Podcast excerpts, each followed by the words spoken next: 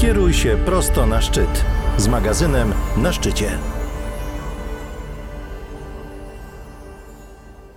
W studiu magazynu na szczycie na festiwalu w Lądku witamy wyjątkowego gościa. Jest z nami absolutna legenda himalaizmu, Krzysztof Wielicki. Witam serdecznie.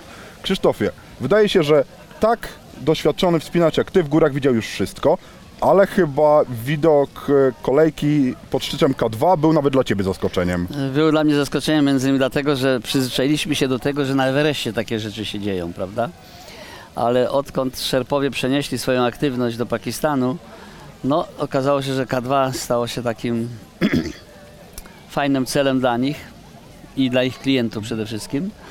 I tą komercję dokładnie przenieśli na, na K2. I w tej chwili K2 w tym roku było okupowane przez setki ludzi, którzy byli klientami, można powiedzieć, tych e, agencji szerpańskich z Nepalu.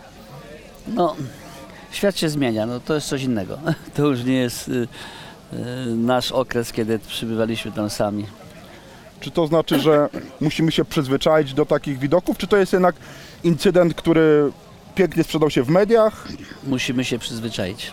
To nie ma odwrotu od tego, dlatego że jest trochę ludzi, którzy no, działają na zasadzie kto bogatemu zabroni, e, bo dosyć drogie e, uczestnictwo w takiej wyprawie e, w pełni przygotowane przez szerpów, z tlenem, z obozami.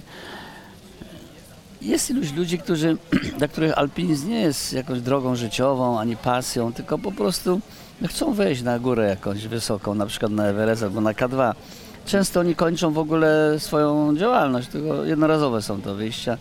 Wejdą, są, zrobią sobie zdjęcia, no ale to, to nie ma nic wspólnego z tym alpinizmem klasycznym, o którym myśmy uprawiali. No ale tak jakby zabronić tego nie można, no każdy ma prawo No dla wielu to jest wielkie wyjść. marzenie.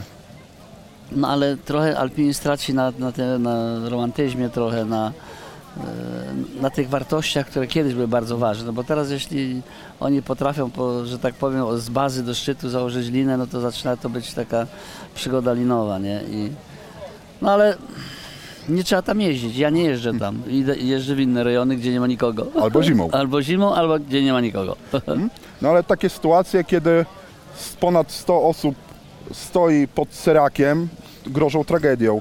Czy No, jest są jakieś sposoby, żeby, unik- żeby uniknąć takich sytuacji? Myślę, że nie. Tam nie, to jest. Przepisy są do bazy, to jeszcze, ale powyżej bazy to już nic nie działa. Żaden przepis nie działa, każdy działa na własną rękę. I mogą być właśnie takie sytuacje się stwarzają czasem niebezpieczne, bo tam już nikt nie kieruje ruchem, prawda? Ani każda wyprawa uważa, że ma zezwolenie, może się wspinać jak chce. I tam brakuje kogoś, kto by no, koordynował, ale to jest, to jest moim zdaniem niemożliwe. Nie będzie takiej koordynaty. No więc jest trochę taki burz, no. Czyli nie ma szans, żeby dogadały się agencje między sobą. Kto Nie. widzi okno pogodowe, ten rusza. Tak jest, wszyscy jak tylko mają forecast, że jest dobra pogoda, to w górę. No i są kolejki. No, tak jak mówię, jak ktoś lubi stać w takiej kolejce i się wspinać, no to idzie. Ale no nie polecam.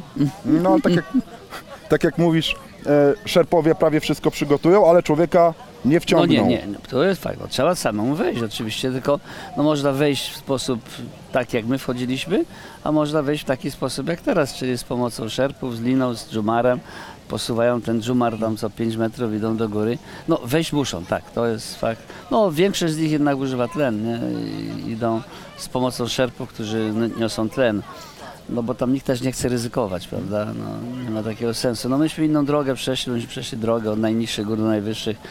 A w tej chwili w zasadzie ktoś ma do rąk kartę kredytową, kupuje bilet, leci do Pakistanu czy do, do, do Nepalu, bierze agencję, płaci.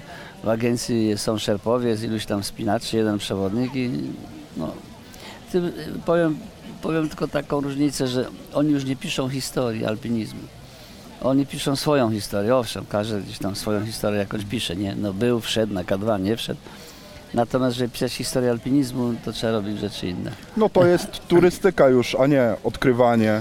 Tak, i w tych an- naszych analach e, alpinistycznych się takich wejść w ogóle się nie odnotowuje, bo to, to nie mają żadnej wartości jako takiej. Mam na myśli dyscyplinę daną, prawda, czyli alpinizm. To nic nie wnosi do alpinizmu. No jeżeli się nie mylę, to zdaje się, że do zeszłego roku było na K2 niecałe 500 wejść, a te, w tym roku w ciągu jednego dnia chyba 100. To jest bardzo możliwe, już dokładnie nie, nie pamiętam tych liczb, ale coś koło tego, tak.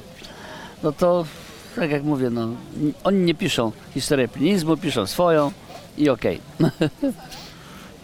czy, e, czy tamte czasy pionierskie, gdzie jednak e, pod K2 byli ludzie, którzy no, pisali historię, były lepsze, czy były po prostu inne? No były to inne czasy, no, tylko że my się bardziej wpisywaliśmy jeszcze w ten alpinizm taki eksploracyjny trochę, prawda?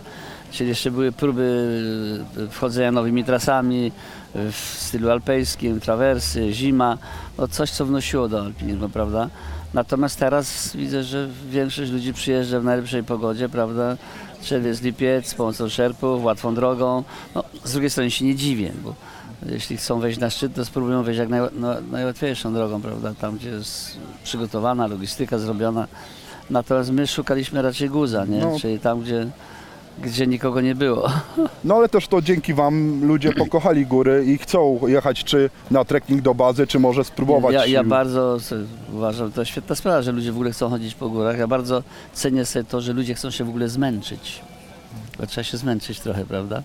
Więc e, to już jest dużo. Jak już ludzie chcą się zmęczyć, bo wiedzą, że przez takie zmęczenie człowiek no, się trochę resetuje, prawda? I jest to bardzo ważne, także du- dużo ludzi na trekkingi uważam, fajna sprawa. Dobrze, dziękujemy Ci bardzo Dziękuję, za rozmowę. miłego dnia. Dziękujemy, z nami Krzysztof Wielicki. Cześć. Kieruj się prosto na szczyt z magazynem na szczycie.